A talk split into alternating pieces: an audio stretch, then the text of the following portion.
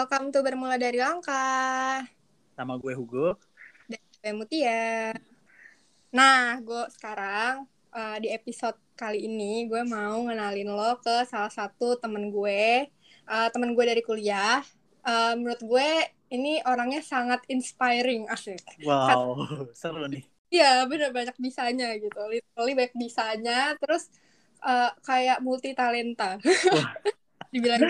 Bisa masuk Indonesia mencari bakat berarti. Oh bisa. Uh, tanpa basa-basi kayaknya mending gue langsung kenalin aja. Namanya Amanda. Hai Amanda. Halo halo. Kenalin gue Amanda. Halo Amanda. Hai, btw namanya sama kayak nama adik gue loh. Oh iya. Oh iya? Pasaran ya? Aduh. Eh iya banyak tau yang namanya Amanda bener. Tapi nama gue juga banyak sih. Iya Mutia lebih lebih banyak sih sebenarnya. Bener. Iya bener. Tapi buat yang belum kenal nih sekarang lo kesibukannya apa aja sih man? Uh, jadi gue itu seorang dokter gigi dan juga gue instruktur bar. Buat yang belum tahu, bar itu adalah gabungan uh, olahraga dari yoga, pilates, and ada gerakan-gerakan yang inspired by ballet. Jadi kita kayak olahraganya elegan gitu. Oke, berarti sekarang ngajar-ngajar sama praktek aja ya? Iya, paling praktek, ngajar tapi masih online class kan karena masih pandemi. Terus gue sekarang juga bikin um, workout video di YouTube. Soalnya banyak yang kadang-kadang nggak bisa ikut kelas gue kan, jadi gue bikin di YouTube sama kadang suka masak, bikin kue, suka bikin video dance. Wow. Berarti banyak banget yang dikerjain ya. BTW ba apa ba bare ya berarti ya? Bilangnya Iya ya, bar, bacanya bar. bar. Gue mm -hmm. gue sejujurnya lagi seneng banget olahraga dan nyoba-nyoba gitu kan. Kayak gue nyoba kemarin sama teman-teman gue yoga, terus nyoba apa hit, terus nyoba banyak gitu kan. Tapi ini gue belum pernah nyoba sih si bar ini. Iya, jadi kalau bar itu sebenarnya kan gabungan dari yoga, pilates, sama gerakannya itu sebenarnya mirip gerakan balet. Jadi banyak cowok-cowok yang kayak, oh ini olahraga cewek. Padahal enggak, sebenarnya siapa aja tuh bisa. Dan pernah ada cowok yang ikut kelas bar ini dan mereka tuh kayak, oh my god, ini lebih susah dari gym. Karena gerakannya tuh kecil-kecil, lebih pedes. Oh, dan bener. banyak repetisinya gitu. Jadi boleh sih kapan-kapan dicobain. eh, untuk orang yang suka challenge kayak lo kayaknya harus cobain sih gue karena karena kemarin aja gue tuh nyoba yoga gue coba kan. Nah terus kemarin bahkan nyoba SKJ Emon tapi ngomong-ngomong olahraga sebenarnya tuh gue tuh kan udah sebareng lo dance dari lama kan dari iya yeah, iya. yeah.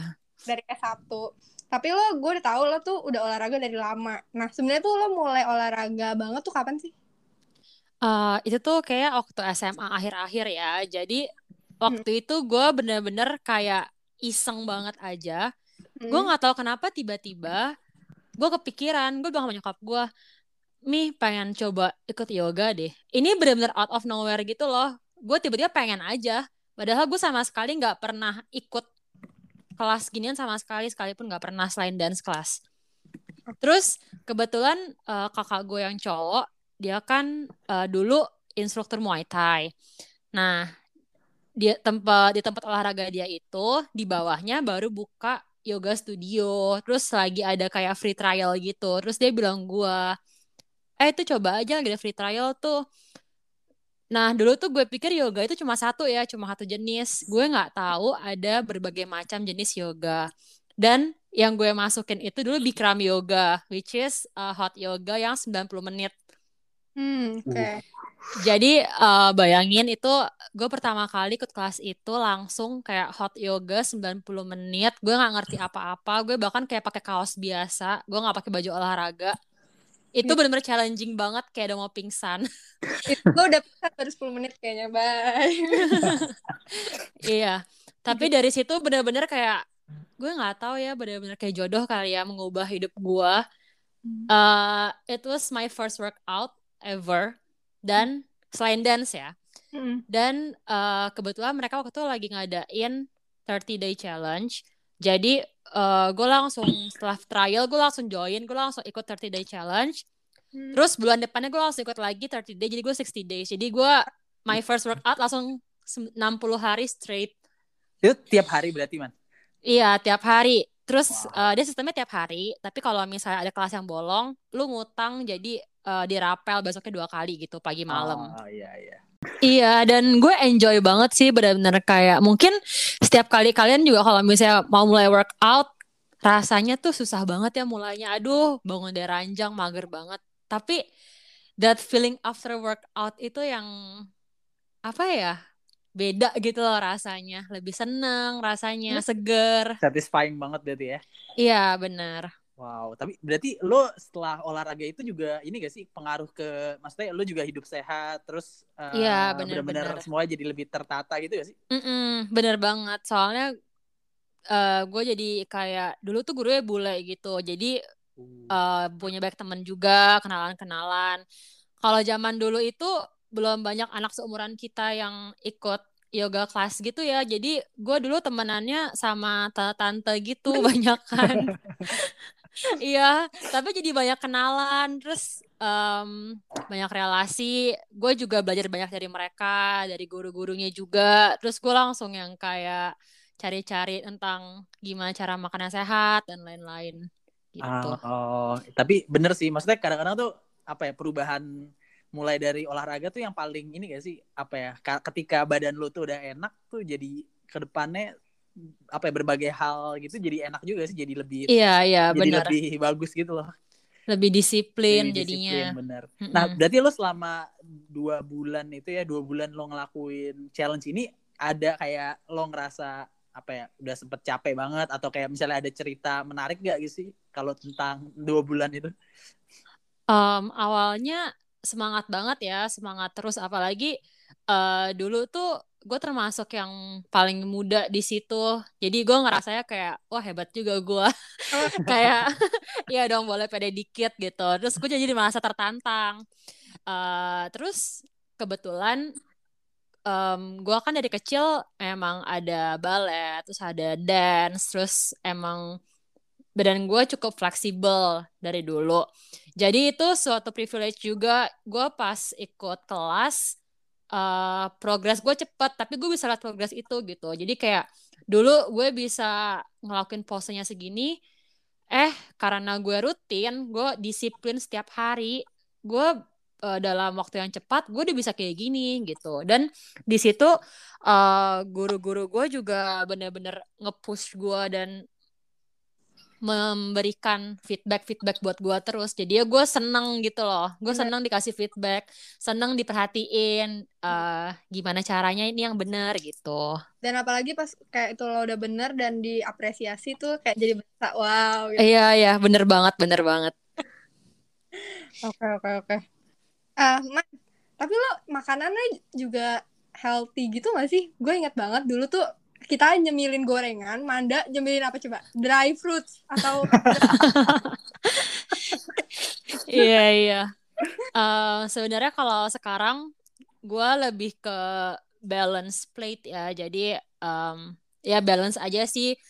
Eh, makan sehat buat gue itu gue jarang makan junk food, hampir nggak pernah. Terus kalau misalnya kayak kalian tau lah kalau di rumah sakit gitu kan dokter terjaga suka kayak beli gorengan, beli kayak eh, cimol gitu-gitu.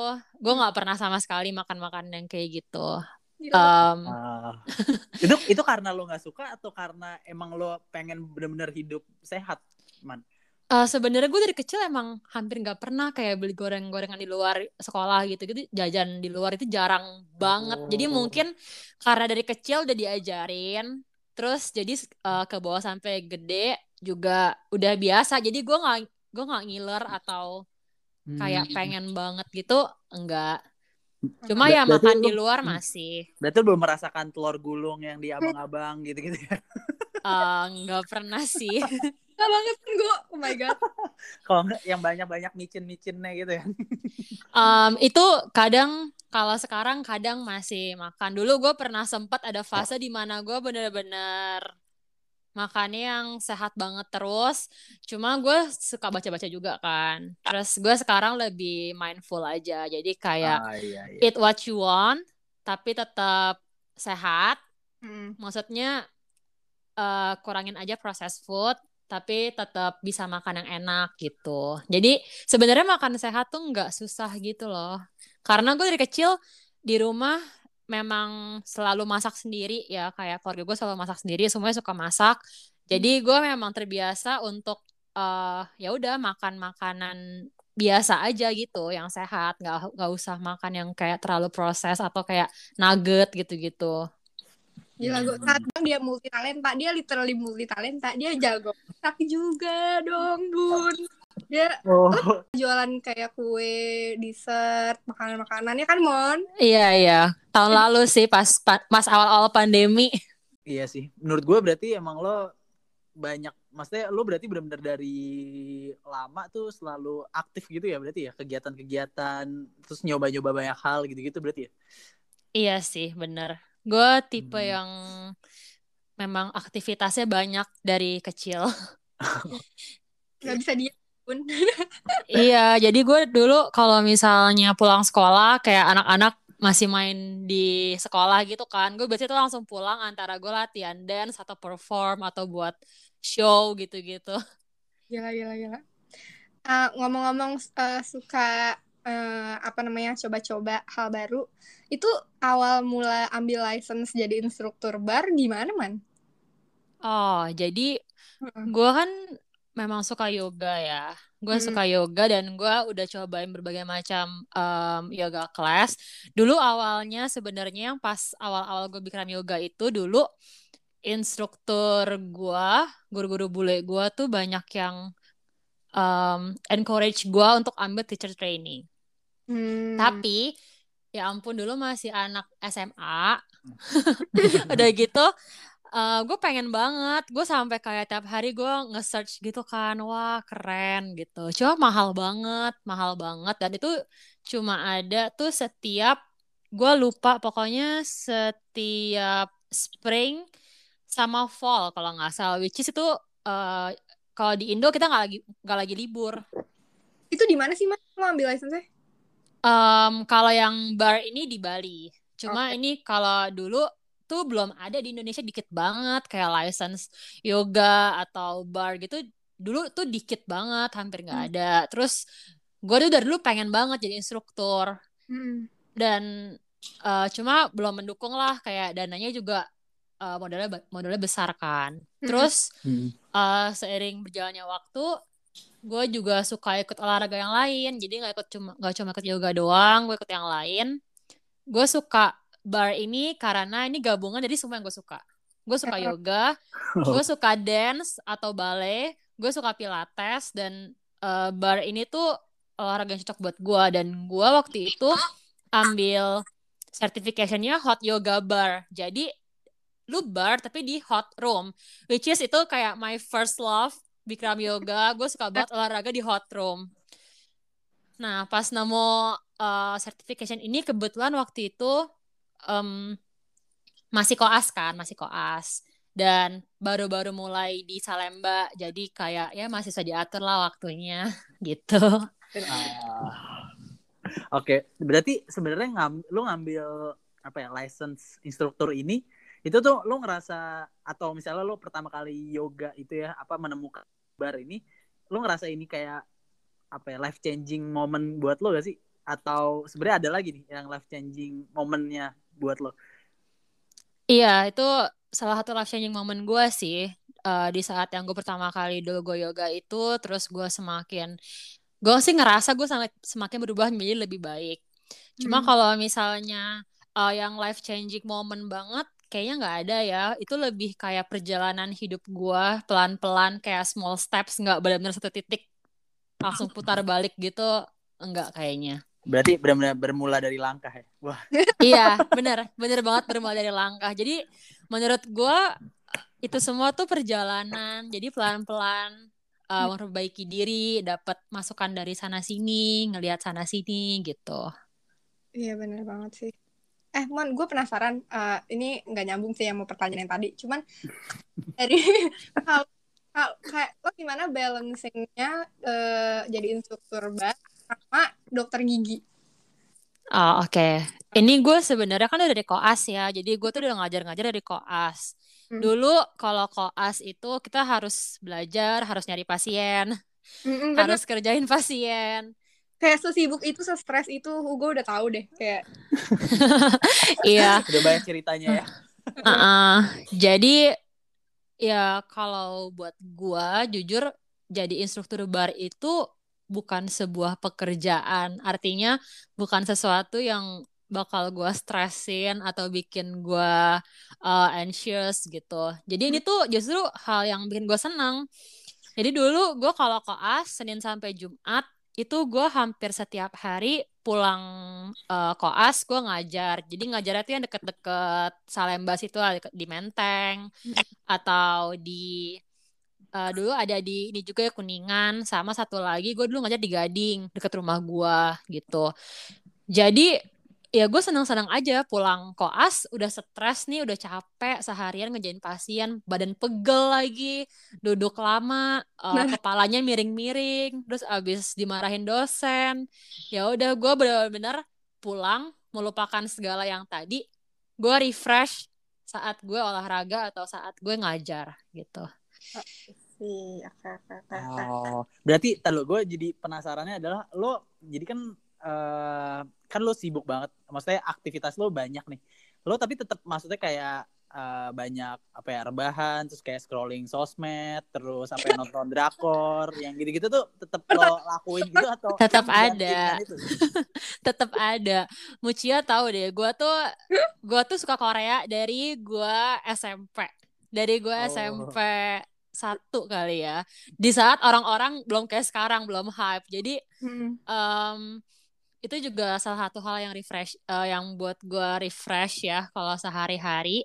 Ada sih har- eh, kadang kayak gitu. Jadi ada tetap ada restnya. Nggak bener-bener hustle terus ntar nggak produktif malahan. Iya benar benar benar. Ah, Oke oke oke. Eh, Mon, eh, tapi lo pernah gak sih eh, ngerasain hal yang terberat dalam hidup lo gitu? Atau kayak lowest point lo in life gitu. Kayak lo kan kelihatannya happy happy terus nih. Gue ngeliatnya kita kan nggak pernah nih bun di pop lowest pointnya gitu Em, kalau lost point itu mungkin lulus FKG kali ya challenging. Tapi kalau untuk em, dari diri gue sendiri ya lulus FKG kan kayaknya semua orang challenging ya. Semua orang juga ngerasain itu berat banget. Cuma kalau buat dari diri gue sendiri ada waktu itu satu titik di mana em, gue tiba-tiba tuh nggak tahu gue kayak bingung Hmm. bingung sama diri gue sendiri, bingung sama hidup. Gue bener-bener kayak gak ada motivasi buat ngapa-ngapain. Karena apa? Tadi kan mungkin di awal kalian bilang kan gue punya banyak yang gue suka gitu, multi talenta. Dari kecil gue selalu dibilang kayak gitu.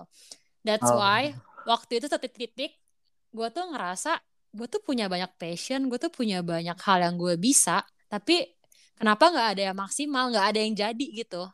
Hmm. Hmm. Ini mungkin sekitar tahun berapa ya gue lupa. Mungkin 2017 2018 I think kayak pas udah baru lulus F, baru lulus S1 kali ya, atau gim atau pas deket-deket itu lah kalau nggak salah. Jadi gue tuh pernah ngerasa kenapa ya nggak ada yang maksimal. Gue tuh dulu eh, balet gue nggak selesai dulu. Gue balet nggak selesai, nggak sampai nggak sampai lulus eh, semuanya gitu karena eh, dulu keluar masih kecil nggak ngerti ya. Dulu kan masih orang tua. Terus em gue dance dari kecil ikut sanggar sana sini. Gue dance dari kecil gue bisa hampir semua dance mau tradisional mau kayak modern, mau yang apa K-pop segala. Tapi nggak ada yang gue bener masterin. Gue suka Hmm. olahraga, gue suka yoga, gue suka banyak olahraga lain. Tapi gue nggak sejago itu, gitu loh. Gue tuh banyak banget. Terus gue suka kalau eh, lo tahu gue suka gambar juga. Kayak gue Ya, suka gambar-gambar yang Benar. uh-uh. Nah, terus typografi juga kan. Iya, Terus gue suka juga kaligrafi. Nah, gue suka masak juga. Jadi sebenarnya hal yang gue suka dan gue bisa tuh banyak, cuma nggak ada yang benar-benar berhasil sampai satu titik gitu loh. Kayak orang kan ada yang sampai ditekunin, fokus sampai yang titik tertinggi banget gitu banyak siapa gitu Hmm. Iya benar. Itu waktu itu gue sempet bener-bener kayak what should I do gitu. Gue nggak tahu. kayak Oh, cari jati diri juga Simon Mm-mm, bener berarti itu agak quarter life crisis juga ya? Iya. Mungkin ya bisa dibilang kayak gitu. Tapi berarti sebenarnya kan menariknya adalah eh, mungkin kelihatannya lo apa ya gambaran tuh generalis banget kan maksudnya kayak generalis lo bisa berbagai hal gitu ya tapi berarti lo udah sampai akhirnya lo nentuin ya apa dari sekian banyak passion dan yang lo suka yang mana yang lo mau lo kejar tuh berarti si bar ini ya Iya, sa- salah satunya itu sih. Tapi gue sekarang gue tetap dance, gue tetap ngelakuin yang lain juga gitu. Cuma bedanya sekarang gue nggak jadiin itu sesuatu yang yang bikin gue stres. Jadi dari situ gue belajar kayak you don't have to be the best, tapi keep learning aja. Kayak gue tuh dulu merasa diri gue tuh harus jadi yang paling terbaik. Kayak gue tuh harus di atas yang lain, gue tuh harus menang gue harus uh, the best di bidang di bidang ini gitu. Hmm. Tapi ternyata lu tuh nggak harus jadi yang paling baik. Lu tuh nggak harus jadi yang paling jago gitu. setuju banget gue benar setuju sih uh menarik ya karena gue kayak gitu kayak gue tuh kayak, kayak lingkungan keluarga gue lumayan kayak eh, kompetitif Iya bener. jadi gue tuh selalu kayak terpicu juga harus jadi lebih baik daripada siapa gue harus lebih baik daripada eh, Iya bener. Nah, jadi kayak gue selalu gitu tapi tapi sampai di satu titik kayak ya udah gue sama dia beda jalan hidupnya juga beda ya nggak sih Iya bener banget. Itu juga karena kita dari kecil ini enggak sih dari kecil mungkin kayak gue sih ngelihat ya orang-orang yang mirip-mirip kayak kita yang misalnya dari kecil juara kelas terus yang kayak gitu-gitu tuh justru pas gedenya bingung karena merasa harus jadi yang terbaik terus padahal nggak kayak gitu. Dan Hmm. ya nggak? Menurut gue proses lo merelakan itu susah nggak sih mon? Iya bener banget bener banget. Bener. nah lo gimana tuh prosesnya? Em, gue sih dulu em, banyak baca buku ya buku yang kayak self help gitu. Em, banyak direkomendasiin dari pacar gue juga dulu terus mungkin dengar-dengar podcast kadang-kadang terus journaling juga. Journaling itu bantu banget sih. Sebenarnya gue awalnya journaling bukan buat untuk mencari jati- jati diri atau gimana ya. Dulu gue karena gue suka ya gambar-gambar gue suka bullet journal Hmm, hmm, bikin jurnal sendiri. Cuma di proses itu gue kan suka lihat Pinterest gue suka lihat YouTube kayak dia bikinnya gimana sih? Terus kontennya bagus-bagus oh gue ikutin tuh akhirnya. Gue ikutin banyak konten-konten. Misalnya kayak hal yang lo syukurin terus eh, nge-track hab- track habit track mood lu gimana gitu. Track mood wow.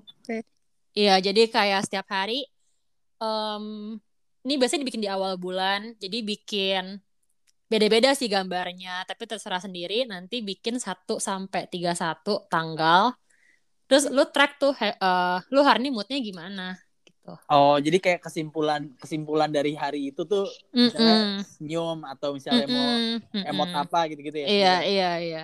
oh menarik sih jadi kelihatan juga ya yang mana yang maksudnya lebih banyak sedihnya atau happy-nya gitu ya Iya bener-bener Terus kayak kadang-kadang lu bisa bikinnya macam-macam Bisa Gue pernah bikin kayak grafik gitu Jadi kayak kalau misalnya eh ke sampingnya itu tanggal Terus atas bawahnya tuh kayak mood lu Kayak dari yang paling jelek Sampai mood yang paling seneng gitu Terus dibikin grafik Pas akhir bulan tuh pas lihat Wow roller coaster roller coaster Iya, lu mood swing atau enggak. Terus kayak kadang-kadang gue ternyata gue lebih banyak seneng loh bulan ini dibanding sedihnya. Ternyata hidup gue menyenangkan.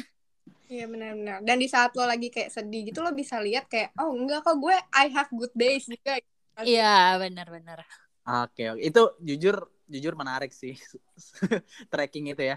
Tapi berarti Mm-mm, dari mm-mm. sekian mungkin lo kan seneng apa ya kayak tracking gitu ya, tracking dan ngelihat apa yang ngebuat lo happy, ngebuat lo sedih. Nah, hal momen apa yang lo sel- mungkin lo selama lo tracking atau selama ini lo rasakan yang buat lo tuh paling happy gitu.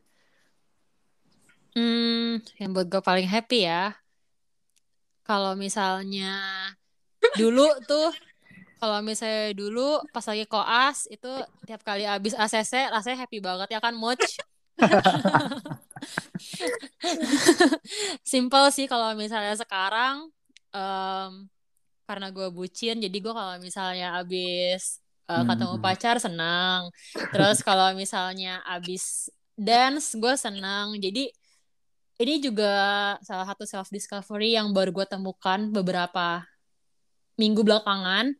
Karena gue jadi lebih sering bikin konten dance belakangan gue baru sadar ternyata gue tuh senang loh bikin konten kayak gini. Gue tuh merasa satisfied dan puas setelah gue selesai bikin setelah edit setelah gue tonton Hmm. setelah gue post.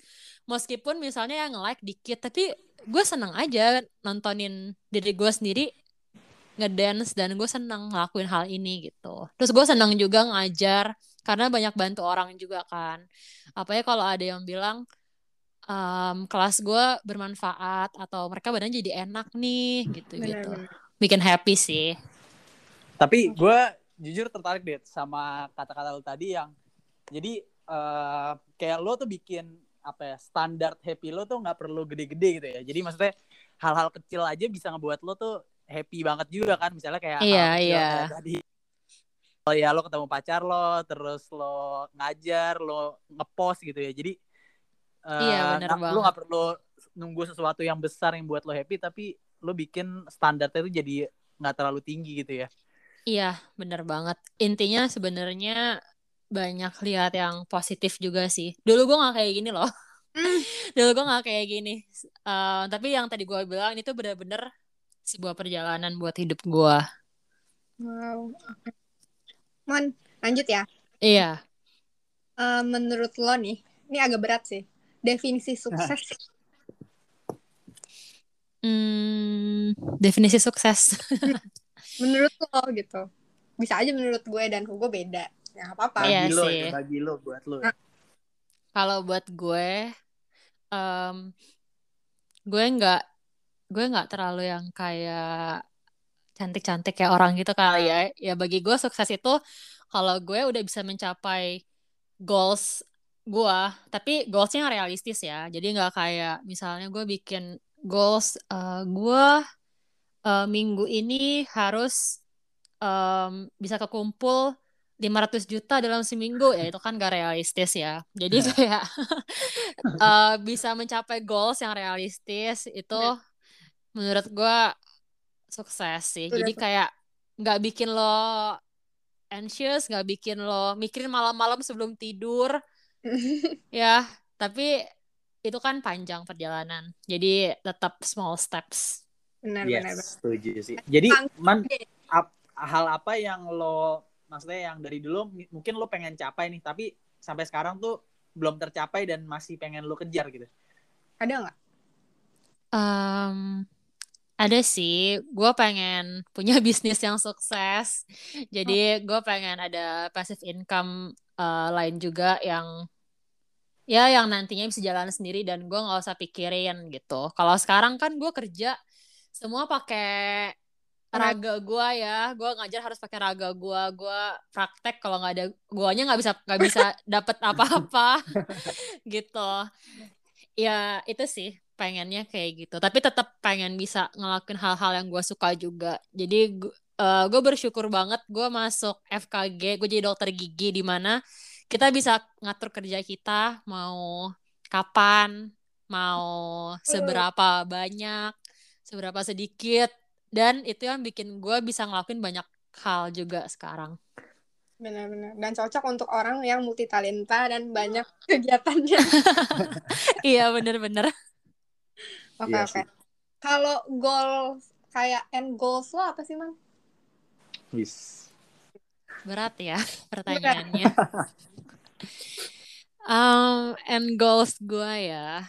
Sebenarnya menurut gue ya nggak ada end sih. Kayak kita hidup masih lama banget, masih berapa puluh tahun ke depan. Amin. Cuma gue pengennya sih eh pengen bisa nikmatin hidup. Jadi um, gue ngerasa kalau misalnya sejak pandemi nih ya sejak pandemi apalagi Mm-mm. lo banyak kehilangan orang-orang. Banyak orang-orang yang eh, tiba-tiba nggak ada. Banyak eh, momen-momen yang lo nggak bisa dapetin lagi. Se- eh, sesimpel lo nggak bisa ngumpul sama temen sesering itu tanpa masker dan tanpa takut. Itu kan ternyata sebuah sebuah privilege buat kita ya Bener. sekarang Benar-benar. jadi sejak pandemi gue tuh bener-bener sempet merenung sendiri kayak gue mikir oh ternyata momen-momen dalam hidup itu em, apa ya itu tuh sesuatu yang berharga gitu dan kalau misalnya lu jalanin hidup dan lu lewatin hidup dengan kayak capek terus atau misalnya ngelakuin sesuatu yang lo nggak suka, yang lo nggak nikmatin, lo bakal kehilangan momen itu gitu. Jadi gue mikir gue tetap pengen ngelakuin hal-hal yang gue suka dan gue nikmatin sampai sampai gue tua nanti. Hmm. Karena dulu pas masih kuliah gue sempet mik- sempet kayak aduh ini capek banget kayak gini kalau misalnya gue kayak gini terus gue ngerasa gue buang-buang waktu dulu gue sempat mikir kayak gitu ya Hmm. nah that's why gue ke depannya gue pengennya tetap ngelakuin hal-hal yang gue suka terus terusan jadi gue nggak mau hidup gue tuh kayak kayak keseret gitu kayak aduh besok harus bangun pagi harus kerja harus ini ini ini ini ini tapi gue nggak happy hmm. Uh, Yap. nice sih, nice sih. Jadi eh gue ngelihatnya kan berarti perjalanan, maksudnya perjalanan ya pikiran lo gitu kan yang tadi dari dulu seperti apa sekarang sekarang udah banyak berubah terus mm-mm. kayak lo maksudnya eh, menurut gue juga pasti udah sempet sempet juga maksudnya banyak merenung dan kayak banyak pelajaran-pelajaran lah yang selama ini lo dapetin gitu kan. Nah iya bener kalau bisa di share nih kalau menurut lo pelajaran yang paling lo rasa paling berharga gitu yang lo dapet yang mungkin bisa lo share ke orang-orang nih atau ke kita gitu Hmm, pelajaran yang bisa gue share mungkin um, kalau lo mau ngelakuin apa, just do it now. Dulu Hmm. karena yang tadi gue cerita, Hmm. gue dulu selalu pengen jadi yang terbaik. Gue selalu pengen jadi yang nomor satu di bidang ini gitu. Jadi banyak hal-hal yang kalau gue pikir gue nggak bisa jadi yang terbaik, gue nggak bisa master ini, gue nggak lakuin. Padahal gue pengen. Hmm, Oke. banyak banget itu dari gua kecil sampai mungkin sampai kuliah. Jadi akhirnya gue pas eh gue udah sadar bahwa gue nggak harus jadi yang em, gue gue kalau mau coba coba aja, nggak harus langsung masterin gitu Ben- loh. benar-benar Jadi ya udah, gue gue bener-bener sejak saat itu gue kalau lihat apa, gue kadang suka bilang ke pacar gue kayak aku pengen coba ini deh gitu. Ya udah aku eh, gue coba gitu. Contohnya eh, gue dari dulu pengen banget belajar gymnastics, Hmm. gymnastics yang ya yang kayak literally gymnastics ya yang kayak eh, di olimpiade gitu. Gue pengen banget dari dulu. Cuma dulu kan dulu kayaknya nggak tahu juga ya ada kursusnya gitu atau, atau ada lesnya. Gue Dan ikut pas TK loh. oh pas kecil iya cuma kayak pas gede gitu kan. Nah, eh dan kalau dulu kan apa-apa harus dari orang tua. Jadi harus biaya dari orang tua, diantarin orang tua. Susah kan dulu kalau mau apa-apa. Jadi banyak yang kependem. Hmm. Gue pas eh, mungkin mulai kuliah-kuliah gitu, mulai bisa pergi-pergi sendiri, mulai punya uang sendiri, bisa ke mana-mana sendiri. Gue ikut tuh kelas gymnastics, gue ikut adult ballet, karena gue pengen lanjutin balet gue waktu itu. Cuma eh, ketahan pandemi juga kan kemarin, jadi sempat berhenti lagi. Hmm. Em, gue ikut apa lagi ya?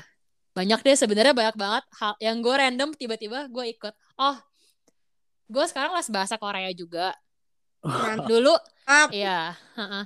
Dulu padahal gue pas gue tuh udah bisa dari pas SMP, gue tuh otodidak belajar kayak belajar bah belajar huruf-hurufnya gitu, gue udah bisa baca Hmm. atau tulis. Tapi gue nggak bisa, gue nggak pernah benar-benar belajar bahasanya kayak grammarnya gitu, gitu belum pernah. Hmm. Nah, gue nyesel banget gue baru mulai pas kuliah akhir pas koas padahal gue bisa mulai dari dulu gitu nah Bener. ini hal yang salah satu hal yang bikin gue mikir kalau mau lakuin apa lakuin aja just do it now. Karena in the end gue sekarang tuh sedikit nyesel. Kalau gue dari dulu pas SMP gue udah punya kemauan itu dan langsung gue terjun ke sana langsung gue lakuin. Gue nggak ragu-ragu. Mungkin gue sekarang udah bisa buka les kali. Mungkin lo, lo kepo kali. Jadi Mungkin Iya, udah di mungkin sana gue- kayaknya. gue udah bisa jadi interpreter atau apa gitu kan. Itu. Jadi kayak banyak banget hal-hal yang bikin gue kayak bikin gue sadar oh sama gue kadang-kadang ngeliat orang yang misalnya tadinya dia tuh nggak bisa hal ini dan gue bisa sebenarnya tapi gue ngerasa gue nggak bisa master itu jadi gue nggak lakuin. Sedangkan orang ini tuh eh, dia nggak peduli dia lakuin aja. Tahu-tahu dia udah lebih tinggi dari gue gitu. Hmm. gue mikir coba gue itu lakuin juga berarti gue udah bisa kayak dia bener. itu sih hal-hal yang bikin gue mikir pokoknya kalian mau ngapain just do it now nggak usah pikirin omongan orang nggak usah itu juga hal yang mau gue share nggak usah pikirin omongan orang karena orang paling kalau misalnya ngomongin lu ya udah cuma sekelibat dia nggak dia nggak benar-benar peduli sama hidup lu benar benar benar Iya benar. benar. Dia cuma pengen gosip aja ya. iya dan habis itu udah begitu lo sukses justru bisa jadi orang itu yang kayak nyamperin lo ya kan Benar benar. Benar benar. Wow. Gue gue gue jujur merasa apa ya eh, terinspirasi dengan omongan lo tadi ya. Jadi.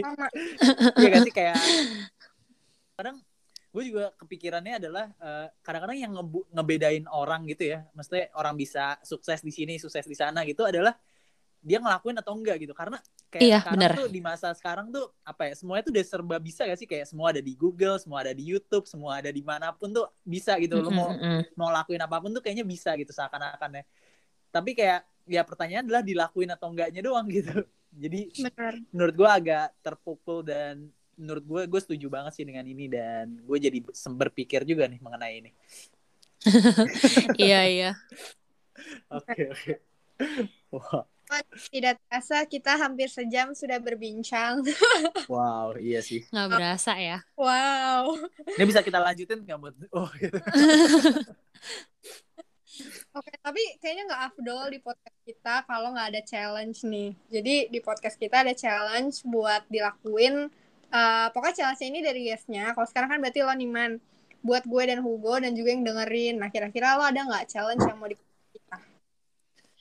Em, challenge ya Oke. Oke, gue kan eh, suka journaling. Jadi dulu gue sempat share ini di Instagram gue dan beberapa temen gue ternyata, padahal ini bukan challenge, gue cuma share, tapi ternyata beberapa temen gue bakal nyoba juga dan ngasih tahu ke gue. Jadi gue tuh dulu suka bikin em, gratitude journal. Jadi di mana setiap hari gue udah tulis tanggalnya dalam satu halaman, tanggal 1 sampai tanggal 31 bulan ini.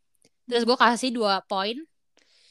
Tiap hari setiap hari ini ya at the end of the day pas udah mau tidur misalnya atau pas kayak udah benar-benar selesai kegiatan tulis dua hal yang lo syukurin hari itu. Sesimpel misalnya lo ngerasa aduh hari ini berat banget. Sesimpel lo bisa di kamar lo saat itu itu juga hal yang bisa lo syukurin saat itu Iya, kayak gue bisa hari ini dan bisa tidur sekarang gitu ya. Iya, iya, iya. Tapi ya nggak harus kayak gitu juga. Kadang-kadang kan ada yang em, sesimpel tadi dap gue pesen Grab car cepet banget dapetnya atau jalanan nggak macet itu kayak lo Hmm. bisa bersyukur juga. Itu gue juga belajar dari situ sih. Jadi sekecil apa pun tulis dua hal yang lo syukurin di hari itu. Oke, nice. Gue suka nih. Jadi kita belajar Suka sih. bersyukur. Kecil nggak sih? Kita mencari hal-hal kecil apa yang bisa disyukuri. Mm-mm, nggak harus Dan- kecil, bisa iya juga sih. besar. Iya, tapi kalau nggak ada, Ya bener ini ini benar-benar ngelatih mindfulness banget ya berarti Iya, ya. ini benar-benar ngelatih kayak supaya pikiran lu nggak selalu negatif terus gitu kayak kadang-kadang ada orang yang ngeliatnya negatif ya terus nggak nggak ngeliat positif sedikit pun gitu gue Eh, gue jujur gue tertarik sih dan nanti kayaknya gue mau tambahin ini sih yang tadi lo bilang yang satu emot yang merangkum merangkum Oh hari iya itu iya, kayaknya mood kayaknya gue journal tambahin ya, itu mood juga ya tracker. biar Iya, boleh kayaknya boleh kalau mau lo tambah. lebih seru tuh kayaknya bener bener, bener.